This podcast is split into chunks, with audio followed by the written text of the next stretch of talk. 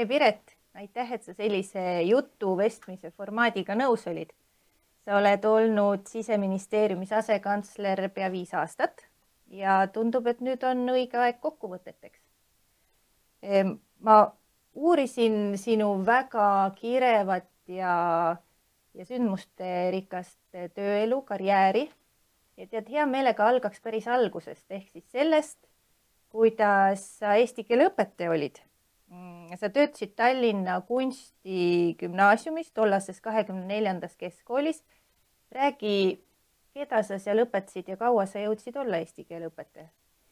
tere ja aitäh, et sa, Kersti, mind kutsusid vestlema, et mul on väga suur au siin olla ja sinuga rääkida, et tõepoolest juba ametniku elu on mul pea kolmkümmend aastat olnud ja nagu sa ütlesid enne seda ka, siis äh, minu esimene töökoht tõepoolest peale ülikooli oligi, oligi koolis õpetaja. aga magistrikraadi oled sa ju teinud Prantsusmaal hoopis majanduse ja sotsiaalpoliitika erialal.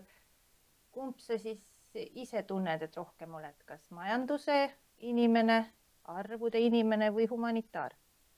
Ja veel täpsustan, et ikkagi Tartu Ülikooli diplom on ka võrdsustatud magistriga, nii et neid on mul kaks üks humanitaar ja teine siis äh, majanduses. tead, ma arvan, et see võib olla klišee, see jagamine.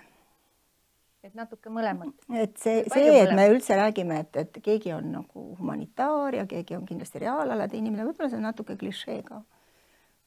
nii et sa ei tahagi ennast panna, kuigi. no ma tahtsin kunstiinimene olla tegelikult sinu panusest inimliku ja lihtsa keele kasutamisesse mm. räägivad sinu kolleegid ka ja näiteks ma loeksin ette, mida ütlevad meie maja juristid, mida nad okay. sulle soovivad. Nad ütlevad nii, et aitäh, Piret, et sa ei unustanud sisu kõrval kunagi ära, kuidas sõnumit inimkeskselt pakendada, et sa ei pidanud kunagi paratamatuks bürokraatiat ja kantseliiti ning et sa julgustasid ka teisi mõtlema selle peale, kuidas jõuda paremini nendeni, kes seda toodet tarbivad, kelle heaks me tegelikult töötame. nii et sinu panust meie, ma ütleks isegi võib-olla siis mõistlikumasse keelekasutusse on kolleegid märganud aitäh, et tegelikult võib-olla vahest ma ise mõtlen, et ma olen ebaviisakas, kui ma lähen ja kellelegi ütlen, et kuule, mis mõte sellel selline lausel oli, et kas sa ei saaks nii öelda, et et ma vahest mõtlen, et võib-olla inimesed solvuvad selle peale pigem. Ja, ja mõnikord ma ju olen see, kes äh, koosolekul võtab lahti oma telefoni, teeb lahti ja hakkab mõne, mõne inimese jutust keeleviku korjama ja siis pärast küsin, et kas sa tahad, ma räägin sulle, mis, mis jama sa, mis vead sa tegid, eks ju et. ja millise reaktsiooni sa oled saanud, on nad? ja, ja, ja inimesed on tahtnud küll, aga ma ei tea, kas see on siiras alati eh, no kirge sinus kahtlemata jätkub nende teemade vastu, millega sa tegeled. Mm, kui me vaatame nüüd edasi, eh, järgmine samm eesti keele õpetajast, niisugune, eh, võtame veidi suurema sammu, sa liikusid üks hetk majandusministeeriumisse, praegusesse majandus- ja kommunikatsiooniministeeriumisse ja sa olid seal väga huvitaval ajal koos äh, noorte entusiastlike inimestega, kellel oli äh, tahet muutusi läbi suruda. Äh, räägi natuke sellest ajast ka, mis on need märksõnad või teemad, millega sa tegelesid ja mis, mis võib-olla kuulajatele, vaatajatele on üllatuslik ja et läbi tegelikult siis riigitööle sattusin ma hoopis äh, mitte otse koolist, vaid veel läbi paari, paari sammu, mis kätkes endas siis riigikeele õpetamist äh, inimestele, kelle emakeel ei olnud äh, siis eesti keel ja, ja ka esimeste Äh, riigikeele eksamite väljamõtlemine oli siis, oli siis äh, minu, minu ähm, käes omal ajal. aga kui ma sattusin äh, Majandusministeeriumisse, siis ma tegin seal jumalast sama tööd, mida ma praegu teen kui päris aus olla. kas aga, nägi ka välja samamoodi? aga see ei näinud samamoodi välja, et äh, kõiki neid seadusi, mis täna reguleerivad meie tegevust, sisuliselt ei olnud olemas, see oli üheksakümnendate aastate äh, esimene pool ja keskpaik, eks see oli üheksakümne, see oli aeg, kui, kui justkui Nõukogude äh, õigus enam ei kehtinud või kehtis osaliselt ja, ja Eesti õigust nagu alles loodi, ehk teisisõnu, et kui sa oled nagu sellises rollis, sa, sul on eelarve, varad, ma tean, meil oli kinnisvara vanalinnas tohutult ja, ja igasugused kõik sellised asjad, aga olemas ei ole riigihanke seadust olemas ei ole riigivaraseadust, eks ole, et kõik, kõik see oli nagu pigem südametunnistuse ja, ja, ja eetika küsimus, kuidas neid asju lahendati, eks.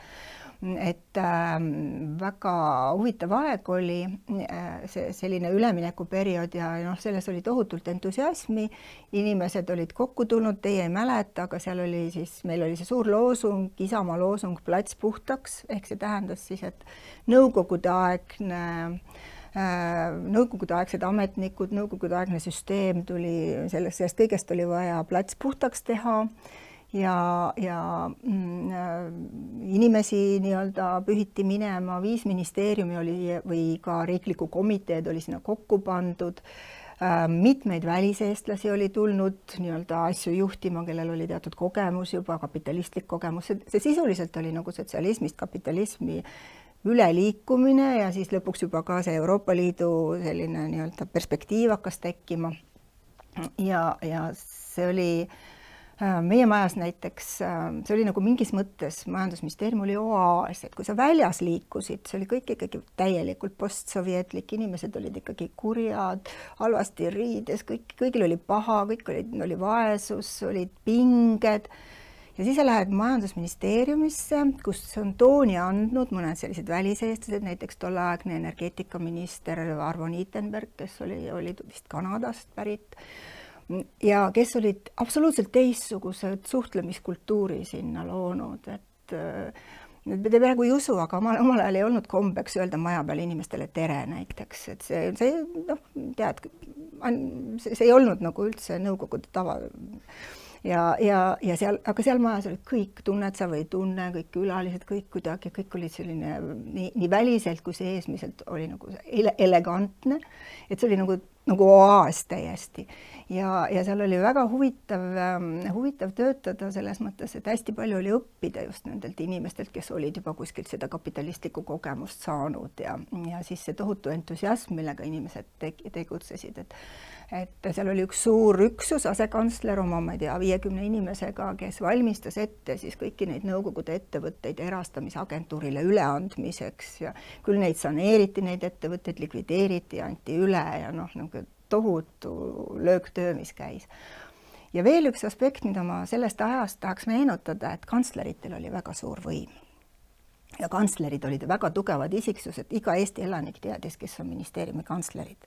et siin olid, eks ole, Tarand, Toots, Lepikson, Leivo, ühesõnaga väga sellised värvikad, Enn Pant, kes on täna Tallinki suuromanik, eks, et et väga värvikad isiksused, nad olid alati pildis ja nad, kantslerid käisid iga nädal koos kuskil saunaõhtul, sest kõik olid mehed peale ühe kantsleri.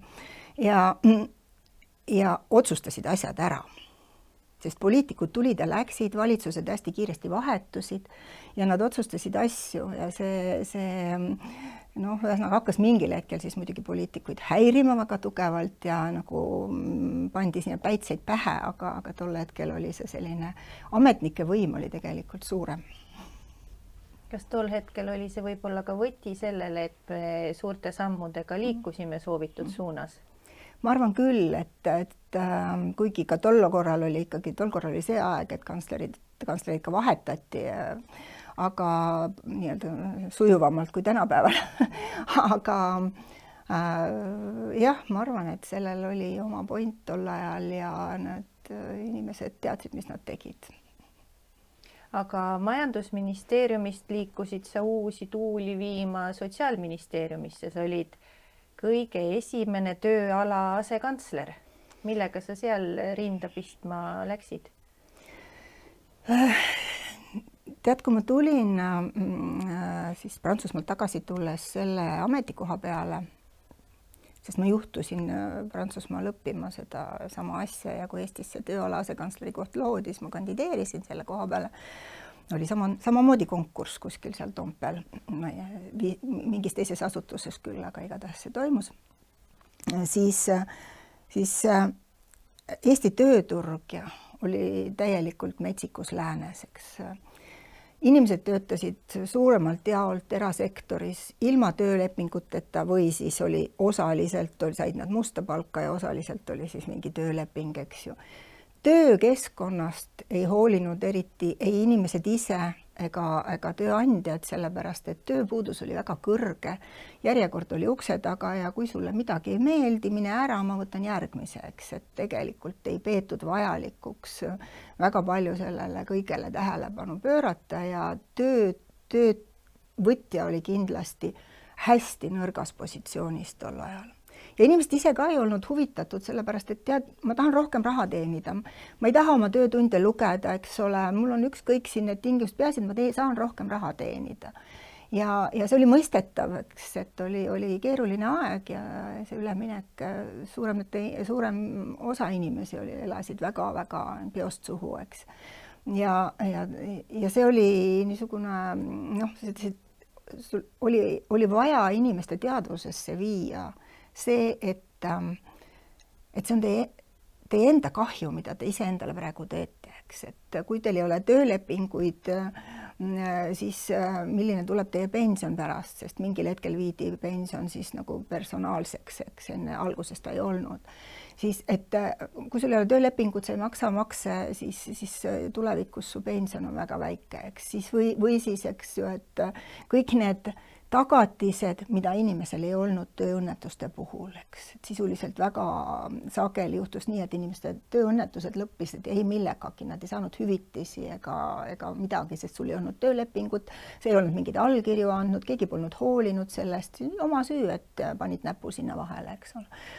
Või, või kogu see asi oli nagu metsik lääs täiesti ja hästi oluline oli, eriti Euroopa Liidu poole liikudes et, ähm, et, et reeglid üle võetaks, sest äh, tööturg on äh, täiesti euroreguleeritud, kuna see, see on siis äh, üks konkurentsivõime teemasid, et keegi ei oleks nagu oma odava või, või, või halvasti koheldud tööjõuga konkurentsivõimelisem.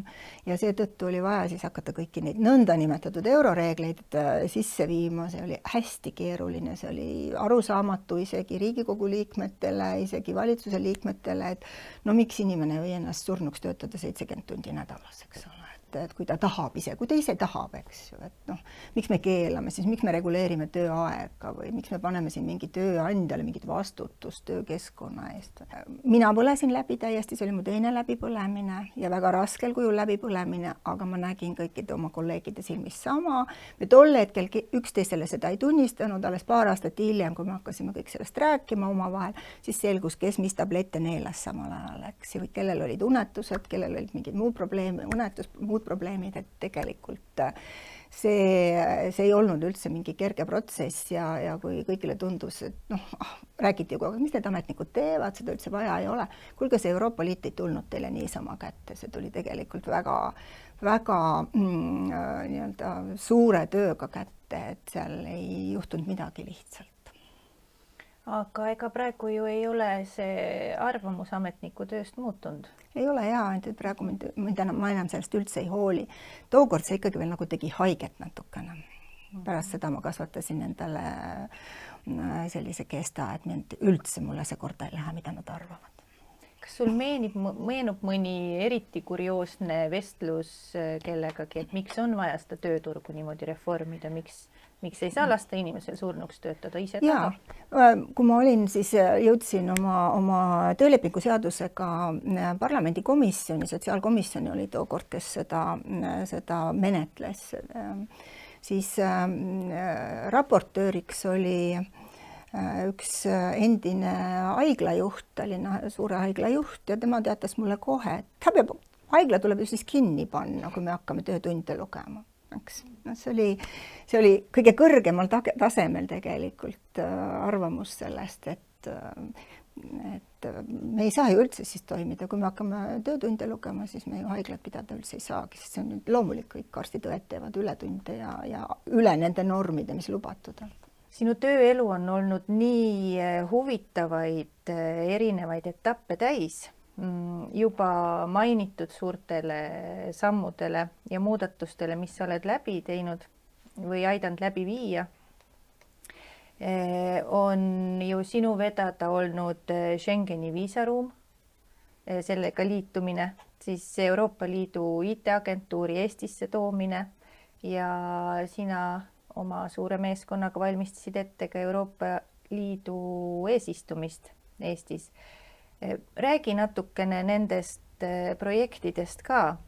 Mul on äh, siin mõned küsimused sinu headelt kolleegidelt, kes on sinuga külg külje kõrval nendes suurprojektides mm, koos töötanud.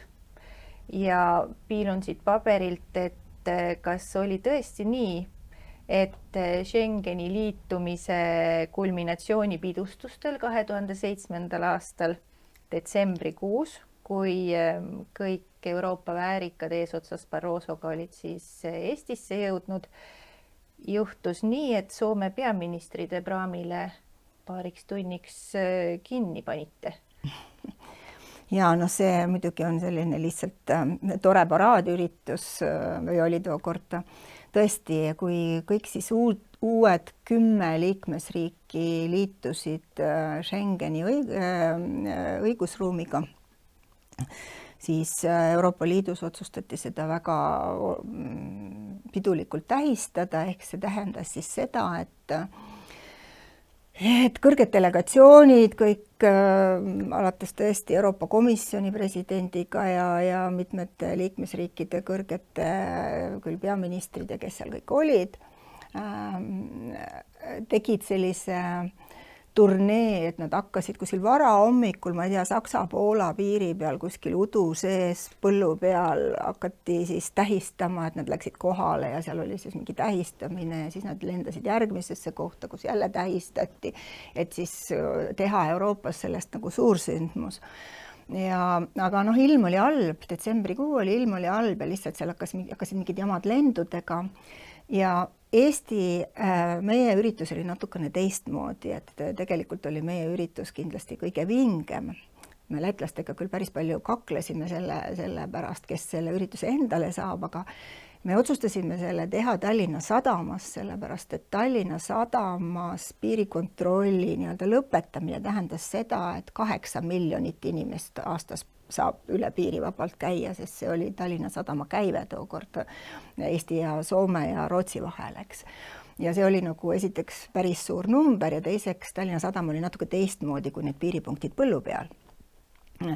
ja, ja pidasime, tegime siis suure ürituse Tallinna Sadamas aga kuna siis lennud hilinesid kõrgete külalistega, selle kulminatsiooniks pidi olema see, et laev tuleb äh, Soomest, Soome peaminister peal ja siis filmitakse, kuidas ta sealt ilma piirikontrollita Tallinnasse tuleb ja kogu muu, niisugune kogu, kogu see asi. Äh, selline, selline idee oli asjal mm, ja siis Euroopa Komisjoni president ja kes teda seal vastu võtavad, kõik eesistujamaa peaminister ja mis iganes Äh, nii-öelda etapid olid välja mõeldud. Ähm, aga, aga jah, kuna ka siis hiljaks jäädi, siis laev tuli varem muidugi kohale, sest Tallink just sellepärast oli nõus muutma isegi laeva graafikut tol päeval, et kõik klapitada. aga mida ei tulnud, ei olnud kõrgeid külalisi kohal ja siis see Soome peaminister istus seal laevas ja laevas ja, ja ootas siis seda kas ta oli ka pahane või tegelikult ei, oli tänulik selle? ei, ma arvan, et ma arvan, et iseenesest ei olnud keegi pahane, et tegelikult asjad olid nagu olid, et lõpuks ju oli kõik hästi ja, ja, ja ta täitis oma rolli. räägime Schengeniga liitumisest. ja, ma ise tulin. kaks tuhat seitse. ja ma tulin ise siia kaks tuhat viis kus äh, midagi oli juba nagu natukene tehtud, aga mm, mind võeti Schengeni projektijuhiks. ja, ja ma tahan äh, kindlasti siinjuures öelda, et see pidu oli ainult üks, kahe tuhande seitsmenda aasta lõpus oli ta ainult üks väike hetk, sest mitu aastat sadu ja sadu ametnikke töötas selle nimel. suurem osa neist Siseministeeriumi valitsemisalas piirivalve ja, ja ma tahan öelda, et siin majas on täna veel inimesed meil, kes, ma nüüd loodan, et ma kedagi ära ei unusta, kes, kes veel siin majas võib olla, aga näiteks Janek, Viljar, Harri on täna veel majas, kes tol korral olid juba väga kõvad tegijad Schengeni liitumise, liitumise mm, protsessis. Et sajad inimesed, piirivalve, keskkriminaalpolitsei, politsei ähm,, siis äh, infosüsteemide loojad, tookord veel SMIT-i ei olnud. Ähm,, lisaks äh,, lisaks ka veel konsulaar, konsulaarametnikud äh, Välisministeeriumis. Ja ja hästi oluline oli siin ka andmekaitse roll ja kujutage ette, andmekaitse inspektsioon oli tookord siseministeeriumis ja just Schengeniga liitumise pärast oli ta kiiresti vaja ära viia siit ministeeriumist, sellepärast et tema järelevalvefunktsioon ja, ja, ja oli siis nagu ähm, ei saanud olla enam siseministeeriumi all, kuna kõik muud, see, mille järgi ta järele vaatas, oli siseministeeriumi valitsemisalas, seetõttu siis kahe kuuga sai tehtud seadusringi ja viidud hästi kiirelt üle justiitsministeeriumisse et tegelikult oli sadu ja sadu ametnikke, kes sinna panustas. Ja minu roll oli ainult, äh, ma ütleksin, ma ise nimetan oma juhtimisstiili alati ja see tuleb võib-olla sellest õpetajatööst, et klassi juhatamiseks. et ma tegelikult olingi klassijuhataja, et, et kogu aeg hoida seda pilti, et kõik teevad oma otsa ära, et kõik on järje peal oma ja, ja kui on mingi jama, siis lahendan need jamad ära aga, aga kogu aeg seda järje peal hoidmist, sest äh, oli meeletu hulk inimesi, kes tegi väga palju selleks, et, et, et me Schengeniga liituda saaksime, sest et siin olid kõik need hindamised, selleks valmistumine, mm, väga palju ka logistikud oli kaasatud, kes pidid ka kogu varustuse nii-öelda mm, tekitama, mis oli üks äh, eeldus Schengeniga liitumiseks ja nii edasi ja nii edasi, nii et et siin valitsemisalas äh, tohutu hulk inimesi. mulle tundub, et äh, see, kuidas sa kirjeldad enda rolli mm ja, ja teiste panust, kellega koos sa mingeid projekte mhm. oled mm vedanud, iseloomustab tegelikult väga hästi sind kui juhti. ja ma olengi alati ütlen avatult, et minu juhtimisstiil on klassi juhatamine. et poisid ei jätaks kodutööd tegemata aga kui me nüüd liigume edasi Euro Euroopa Liidu eesistumise aega, siis äh, kuidas see klassi juhatamine seal välja nägi, mis seal olid need kõige raskemad momendid või põnevamad seigad? see oli täpselt samasugune klassi juhatamine, et äh, ma arvan, et äh, võib-olla, võib-olla seal oli üks huvitav aspekt, et kui nüüd päriselt õpetajatööga võrrelda, siis Äh, minu kõige olulisem roll oli mm, koolikatsed ehk teisisõnu valida välja need inimesed, need oma tiimi, need viiskümmend, kuuskümmend inimest, kes seal aja jooksul olid. Äh, kes on kompetentsed, kes teevad head tiimitööd, kes sobivad omavahel kokku ja kellel silm särab ja, ja kui need inimesed, need õiged, õiged inimesed olid koolikatsetega nii-öelda tiimi võetud, siis pärast seda oli täpselt minu töö nagu väga lihtne et mm, jälle seesama asi, et sul on endal suur seina peal nii-öelda kõik kirjas ja sa lihtsalt vaatad kogu aeg, et keegi maha ei jää, et ei teki nagu mingisuguseid eri tiimide vahel mingisuguseid vastuolusid.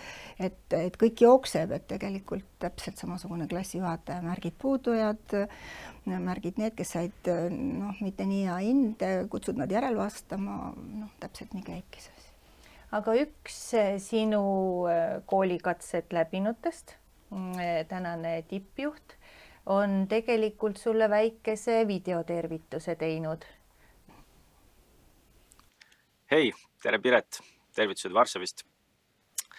mõtlesin siin, et me oleme sinuga koos töötanud juba kuusteist aastat erinevatel ametikohtadel, erinevates asutustes.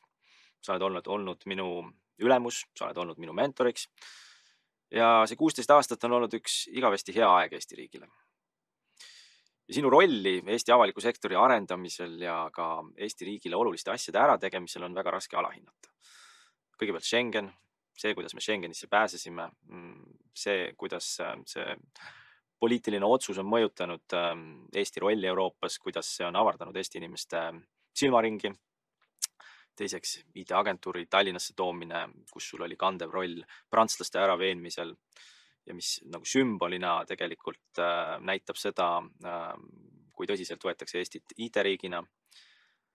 ja lõpuks kirsina tordil loomulikult äh, Eesti eesistumine kaks tuhat seitseteist, äh, mis äh, ma arvan, et kinnistas kogu ähm, rahvusvahelise kogukonna silmes Eesti riigi sellise efektiivse, konstruktiivse ja, ja heatujulise partnerina. täpselt sellisena, nagu me ise soovisime seda näidata. kõiki neid asju sa oled ära teinud selliselt heatujuliselt ja, ja, ja viisil, mis, mis on lihtsalt imetlusväärne aga ma arvan, et ka nende suurte projektide kõrval on sul tegelikult üks märksa sellisem süsteemsem roll olnud et äh, sa oled olnud nagu nii-öelda suunanäitajaks ja kasvatajaks väga paljudele Eesti poistele, kaasa arvatud minule, kellest on juhid sirgunud nii Eestis kui, kui väljapool. ja ma ei tea, kas sa sellest ka ise oled aru saanud, aga, aga ma arvan, et see sinu selline ähm, hea juhtimistava ja, ja viis, kuidas asutusi suunata ja kuidas ka väga konfliktseid ja väga vastandlikke huve omavahel nagu lepitada ja pooli lepitada ja ühe ise eesmärgi nimel tööle panna on olnud midagi sellist, mis, mis kindlasti äh, jääb meiega päris pikaks ja mis on muutnud Eesti avalikku sektorit palju paremaks. nii et suur aitäh sulle selle eest äh,. ma usun, et teil on olnud väga huvitav vestlus või tulemas väga huvitav vestlus sellest, kuidas kõik need suured protsessid on äh, kulgenud ja milliseid kummalisi episoode seal ette on tulnud. aga pikk jutt on kehv jutt, soovin teile ilusat suve äh,. näeme peatselt ja nägemiseni. kas Uku oli üks nendest äh kelle ise välja valisid või, või sattus ta kuidagi ähm,?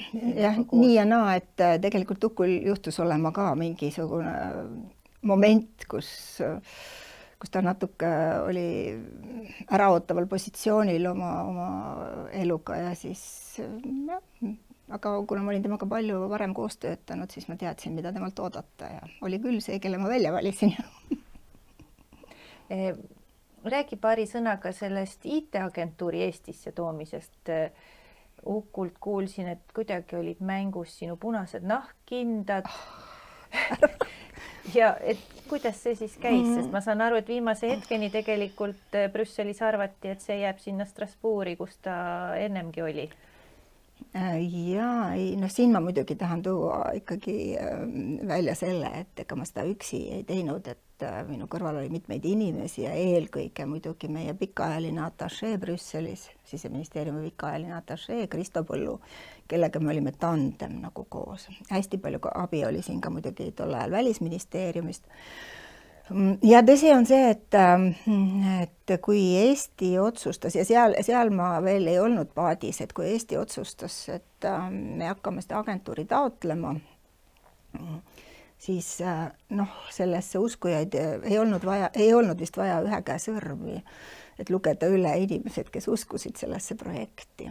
et äh, noh, prantslaste käest midagi nii-öelda ära võtta, kuna ajalooliselt olid kaks infosüsteemi, kaks ja pool infosüsteemi prantslaste ülal pidada ja Schengeni laienemisega seotult äh, Äh, oli vaja välja mõelda mingi muu vorm lihtsalt, et kuidas nüüd edasi teha, sest nii palju riike tuleb juurde ja, ja see, et seal üks liikmesriik lihtsalt manageerib, ei ole jätkusuutlik, et otsustati siis see agentuur luua, et üldse agentuur kui selline loodi, selles on muidugi ka meie käsi hästi palju mängus, sest et kui me läksime esimest korda äh, nende määrustega sinna nii-öelda laua taha ja hakkasime liikmesriikidega arutama, siis me olime sisuliselt ainukesed või kes ütlesid, et meil on vaja Euroopa Liidus uut agentuuri, mis hakkab run ima neid suuri IT-süsteeme ja kogu ülejäänud seltskond vilistas selle peale, et mingeid uusi agentuure ei looda ja üleüldse ja mingid tulevikud, noh, et kui ma, mina rääkisin sellest, et meil tulevikus tuleb mm, uusi infosüsteeme juurde, et me peame kaugemale vaatama, kui see õnnetu Schengeni infosüsteem siin, millega me hakkama kuidagi ei saa et, et, et seda on vaja juba selleks, et meil tuleb neid infosüsteeme juurde, kuna noh, kuritegevus jookseb eest ära nagu meil, kui me ei lähe kaasa kõikide nende IT arengutega ja, ja noh, kõik olid jumalast absoluutselt täitsa tume sein oli vastas, et ma nagu mingi üksik selline rääkisin. Tead, läks aasta mööda ja oli, oli mõni üksik, kes sama juttu ei rääkinud enam, sest et sa kogu aeg räägid, seletad kogu aeg, sa nagu ühesõnaga käid ja käid ja käid ja siis lõpuks see ähm,, see inimesed hakkavad nagu, keegi hakkab uskuma, keegi hakkab mõtlema, polegi nii paha idee, keegi ja nii edasi, aga ega seda, et tuleb veel infosüsteeme selliseid sisejulgeolekus üle-euroopalisi, sellesse küll tookord keegi teine ei uskunud veel. Et praegu hakka, hakka nimetama, eks ole, entry exit ja, ja kõik, mis on tulekul äh,, reisilubade süsteem ja no mida iganes, eks ole, Reneel on terve pikk nimekiri nendest kõigist mida me praegu üles ehitame Euroopas. aga, aga tookord jah, oli see niisugune hästi, mis mõttes, mida te räägite siin. Rääkisime ära selle, et üldse agentuur saada ja siis, kui see agentuuri nii-öelda määrus tuli juba või see määrus, et agentuur luuakse, siis, siis hakkas sealt, eks ole, see, et meil oli ammu tagamõte, me tahame seda endale saada, aga siis noh, prantslased, mis mõttes meil siin on kogu aeg oleme seda teinud, me nüüd saame selle agentuuri ka endale. Nad isegi nagu ei võtnud üldse, nad ei tõstnud torugi, neile tundus ka nagu mingi, mingi Eesti seal midagi räägib, ei huvita ka, mis nad räägivad. kuni me olime ära rääkinud pooled liikmesriigid enda poole, vot siis, siis nad ärkasid ja siis läks asi tõsiseks. Ja noh, läbirääkimised olid ja selles ruumis olid ühed läbirääkimised, seal on seina peal ka veel mälestustahvel Äh, läbirääkimised olid suhteliselt verised ja suhteliselt, ega prantslased olid suhteliselt arrogantsed ikkagi selles mõttes noh, see meie tõsiseltvõtmine, kuidas me käisime minister Pomerantsiga Prantsuse ministri juures, kes ütles, et see seda ei tule teile, et see oli, on ja jääb Strasbourgi ja that's it ühesõnaga ja aga noh, siis see rahvusvaheline surve, kõik iga sada asja, mis seal olid, ma ei hakka kogu seda mängu rääkima, see võtab mitu tundi. lõpuks ikkagi meile mingid kaardid kätte mängis ja siis jah, need punased kindad, mina käisin alati punaste nahkkinnastega ja siis üks Prantsuse kolleeg siis sealt läbirääkimistelt ütles, et ma loodan, et see ei ole Prantsuse delegatsiooni veri, mis on sinu kätel kas kannad senini punaseid nahkhindeid? väga äge. tead, sinu kollane pluus muidugi meenutas, et mul on siin üks tore pilt, see on küll sellest mm -hmm. eelmisest teemast ehk siis äh, eesistumise ajast. ma näitan seda pilti sulle ja äkki sa räägid, mis mm -hmm. selle Merkeli ja nende päevalilledega siis on? Äh, jah, see on jälle üks selline võib-olla väike väljavõte, pikk kui, kui sa teed pikalt tööd ja hästi palju kõike seda taustatööd, siis on mõned sellised lihtsalt sellised flash hetked tulevad, et kindlasti eesistumise flash hetk oli äh, Digisummit mhm. kusjuures seda see ei sama, olnud. jaa, et see, teda ei olnud plaanis, ei olnud plaanis teha siis seda nii-öelda kõrgetasemelist ähm, kohtumist äh, Eestis üldse, kuhu tulevad siis äh, peaministrid, presidendid või kes iganes riiki esindavad seda, seda, seda ei olnud üldse plaanis nii-öelda. Äh, ja, ja see otsustati järsku, selle korraldamiseks oli väga lühike aeg, selle korraldamiseks võeti eraldi tiim. Ja, ja see on noh, see on hoopis teine asi, kui sa kutsud, sul tuleb kõikide Euroopa riikide juhid tulevad kohale, juba turvalisuse mõttes on see täielik kogu, kogu, ma ei tea, kõik, mis toimub, on hoopis teisel tasemel nõuab hoopis teistsugust ettevalmistust, see sai väga kiiresti tehtud.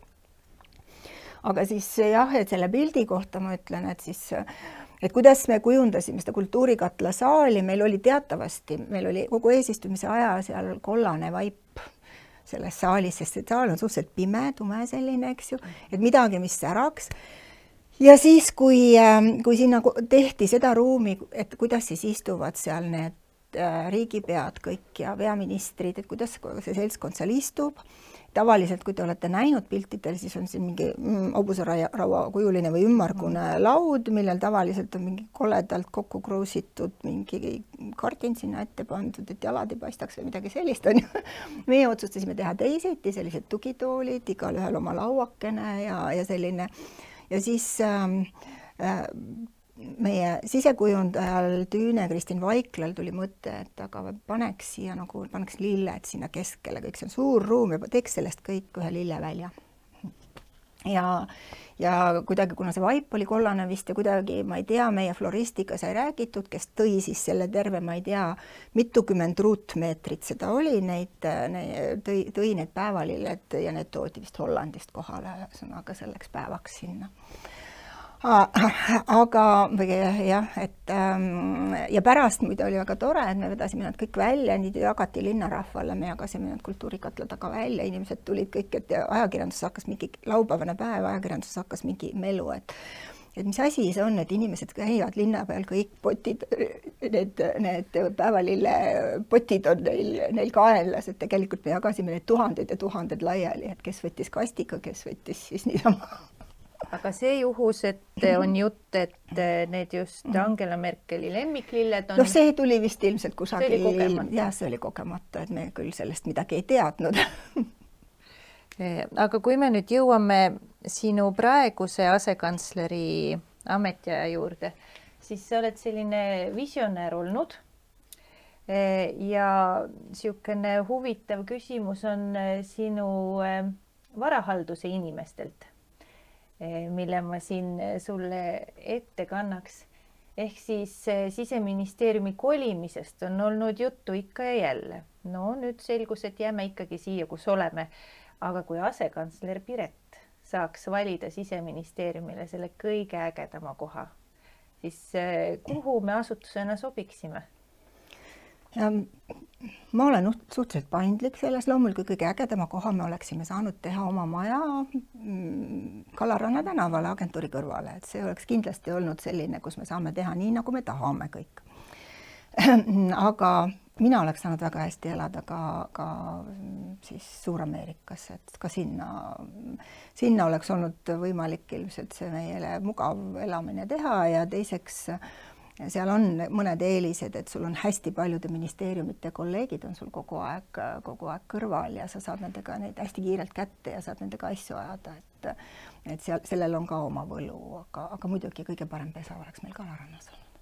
mina armastan moodsaid kont-, kontoreid. mind ei häiri ka avatud kontorid, mind ei no.. sa oled, nagu Uku ütles, ka olnud paljudele õpetajaks tööalaselt. kellelt sa ise oled õppinud? Minu jaoks kindlasti oli üks inimene, kellelt ma palju õppisin, minu esimene kantsler Majandusministeeriumis, Margus Leivo, keda enam meie hulgas ei ole. aga võib-olla tema, tema, temalt ma õppisin seda tohutut usaldamist, usalda inimesi. ära eelda, et noh, ära hakka eos kontrollima või, või mis iganes, eks ju, et see tohutu, et kui ta, kui ta sind usaldab, siis ta sind usaldab ja, ja, ja ta laseb sul eksida. Ähm, ja noh, kui ta hinges ongi pahane, siis ta seda välja ei näita, eks ju. siis kindlasti, mis tema puhul oli ka see, et ta noh, oli suur mees muidugi ka, et ruumi astus ja ta oli niisugune natuke joviaalne kõrva, suu kõrvuni. tähendab see, see meeleolu ka kõige sõna otseses mõttes sitemas olukorras, kus sul on mingi tohutu jama siis see meeleolu, ära, ära hakka, ära kahastama, eks ju, ära tead, tee draamat, et kõikidest asjadest saab üle, kui me üksteise peale pahased ei ole et, et võib-olla need asjad, mida ma tema käest õppisin, et ära võta kõike liiga tõsiselt, eks. ja ma üldse arvan, et ei peaks kõike liiga tõsiselt võtma, ei oma elu ega, ega, ega kõike, mis sind ümbritseb, et et sellise, sellised asjad, noh, aga Piret, sinuga rääkides ei saa ma üm-, ümber ega üle, üle ega ümber vaadata sellest, et tegelikult oled sa ju naisjuht. Hmm.. kas äh, see on kuidagi sinu karjääri mõjutanud, kas sa oled tundnud omal nahal äh, palju räägitud klaaslage, oled pidanud sellest kuidagi eriliste sammudega läbi murdma oled kandnud prille, kuigi ei vaja, rangeid kostüüme, värvinud juukseid tumedaks, no kõike, millest äh, räägitakse. ma naturaalselt olengi tumedate juustega nii et sa oled värvinud heledamaks? ma olen värvinud punaseks need kõigepealt, et olla piisavalt ärritav. Äh, ja et ähm, tead, see on selline sisemise tunnetuse küsimus. ja mul on väga vedanud, minu isa oli feminist ja minu isa kasvatas mind väga selgelt äh, nii, et, äh, et äh, noh, mingit vahet ei ole. ja mul isa-vend, kelle juures ma alati maal olin, et alati mõlemad kaasasid mind kõikidesse meeste tegevustesse kuni selleni välja, et lapsepõlvest peale, kui mehed ikka suguvõsa peol kuskile öösel jorisema viinaklaasi taha jäid, siis mina istusin seal kõrval alati, eks, et ei, et ei lasknud emal, ei olnud üldse halb eeskuju, et, et ühesõnaga äh, mind on nii kasvatatud, et, et mul ei ole nagu alaväärsuskompleksi endal. ma ei tunne ennast mitte mingil viisil kuidagi, et ma peaksin loomulikult see, ma ei saa öelda, et ma ei ole oma teel sattunud kokku igasuguste meesšovinistide või siis ma ei tea, lihtsalt patroneerivate isastega, loomulikult olen, eks ju, ja kui ma noorem olin, siis ausalt öeldes mul ei olnud vahet sellest, kui ma sain oma eelarvenumbrite või eelarve kätte sellega, et ta lihtsalt vaatas mu jalgu, ma noh, tead. nii et tuli ka seda ette? tuli muidugi, aga ma ütlen, et, et niikaua, kui ta lihtsalt vaatab su jalgu, et ausalt öeldes see oli üheksakümnendad oli väga tavaline asi, selline ikka ilmselt et äh, tead, ma ei teinud sellest välja, ma ei tundnud ennast kuidagi halvasti sellest, et ma sättisin siis need jalad üle põlve niimoodi parasjagu punaste kingadega aga tõsiselt öeldes äh, siis äh, tõesti äh, lihtsalt, kui see olukord tekib mul elus, et kuskil see selline, selline suhtumine on olnud, siis ausalt öeldes mul on sellest inimesest kahju ja ma vaatan temast läbi. Ja kui ma ise ütlen, siis äh, mul esimesed kaks ülemust olid naised. ja pärast seda on kõik mu ülemused olnud mehed ja, ja kõik nad on mind oma paati valinud. nii et ma ei saa öelda, et nad oleks mind diskrimineerinud kuidagi mm. -hmm.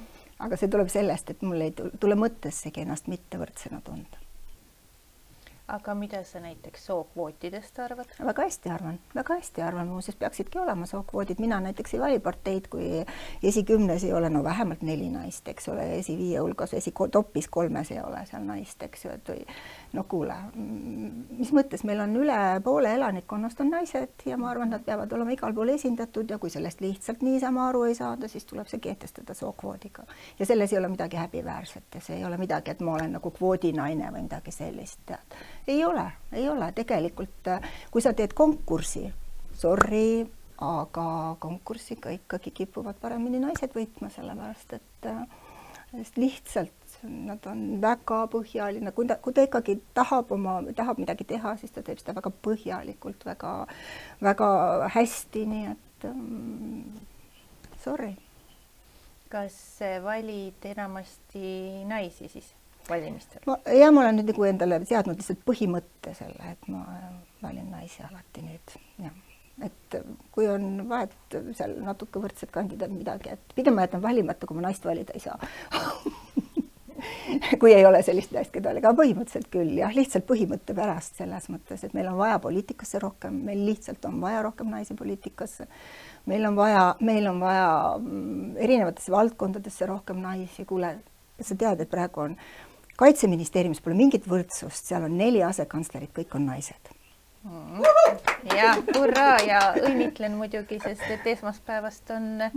sinu tütar üks ja, eh, naisest asekantsler. just, et selles mõttes, selles mõttes ma arvan, et see on lihtsalt nagu loomulik, see on väga loomulik ja kui mõni ei saa aru, et see on loomulik, siis tuleb seda kehtestada aga mida sa noortele na nais või ütleme, juhiks pürgivatele naistele soovitaksid? no kui sul ei ole enesekindlust, siis ongi väga raske, jah. Aga, aga kui sa vaatad ka vahest, kuidas kriitikat tehakse, eks naisjuhtide suhtes, et vabandust, palun vabandust, aga ma olen nagu elu jooksul näinud nii palju nii rumalaid ja saamatuid meesjuhte, keegi ei kritiseeri.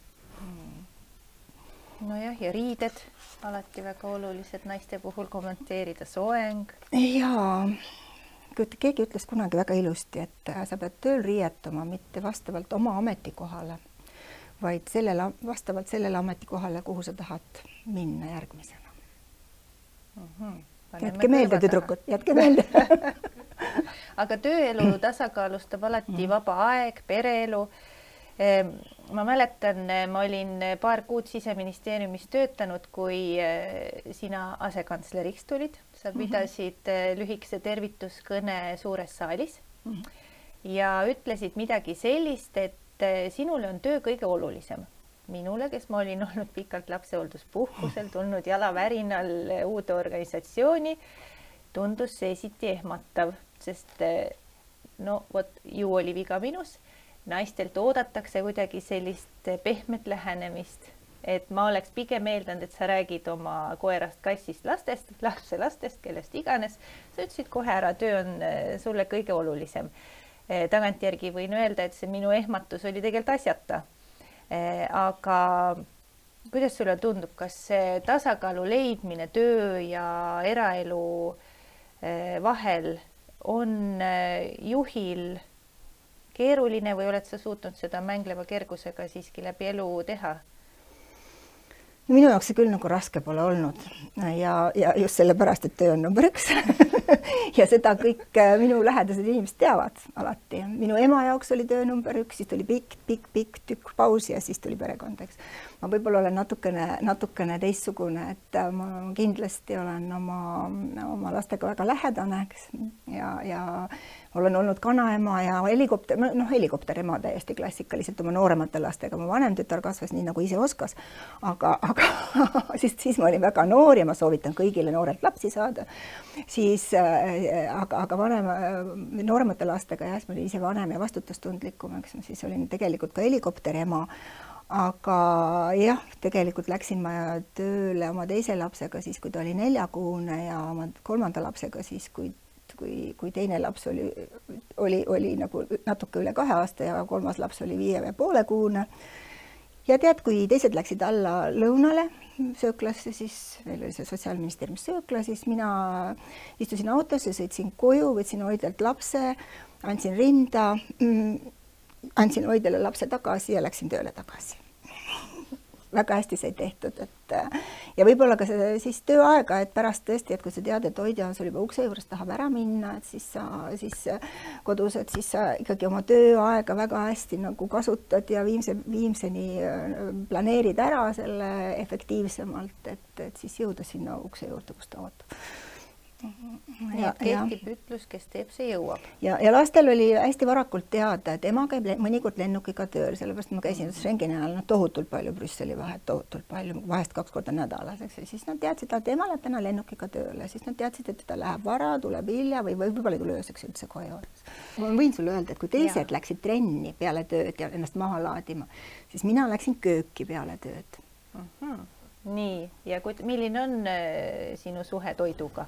No sa küsisid, maja pealgi paljud teavad, et kes külla tuleb, saab konnakoibi ja foie gras ja kõik ma olen ise teinud et jah, tohutu, ma võib-olla see, see viimase tõuke andis see aasta Prantsusmaal, kui ma oma magistrit tegin, et sealt ma tulin tagasi täiesti niimoodi, et minust sai noh, ma ei tea, see oligi, oligi see mahalaadimise koht ja mida keerulisemaid asju sa teed, seda parem on maha laadida, ideaalist, et kui sõpradele teed õhtusöögi, ma tegin see alati üksi, viis-kuus käiku, siis sa täpselt tead, et sa minuti pealt, kuidas sul kõik asjad tulevad, teed oma see menüü ja siis sa planeerid ja siis ühel hetkel, kui sa tegema hakkad, et see kõik klapib väga hästi ja iga kord üllatad neid millegagi ja noh, see ja lastega ka, et ega mul lapsed ei saanud sageli näiteks tööpäeva lõpus kokkuleppele, et mida nad süüa tahavad ja siis ühele tegin ühe toidu, teisele teise toidu ja siis, kui ütlesin, et siin on nagu kuus sorti pastat, eks ju, et mis, mis kujuga pastat me täna teeme, nad ei suutnud kokku leppida, siis ma panin kaks potti tulele ja tegin siis erinevad pastad neile ja noh, mis iganes, et et, et jah, see ja see oli puhas nauding, eks inimesed vaatasid täitsa segane, eks ole, täitsa segane. küsid, küsid laste käest sellist asja, ütleb mu ämm, eks, mida tahavad, no ma tean, mul üks laps armastab seda suppi, teine armastab seda, miks ma võiks teha siis neile erinevaid täna kolmapäeva õhtul? Mulle väga milline nagu on väga... jõululaud?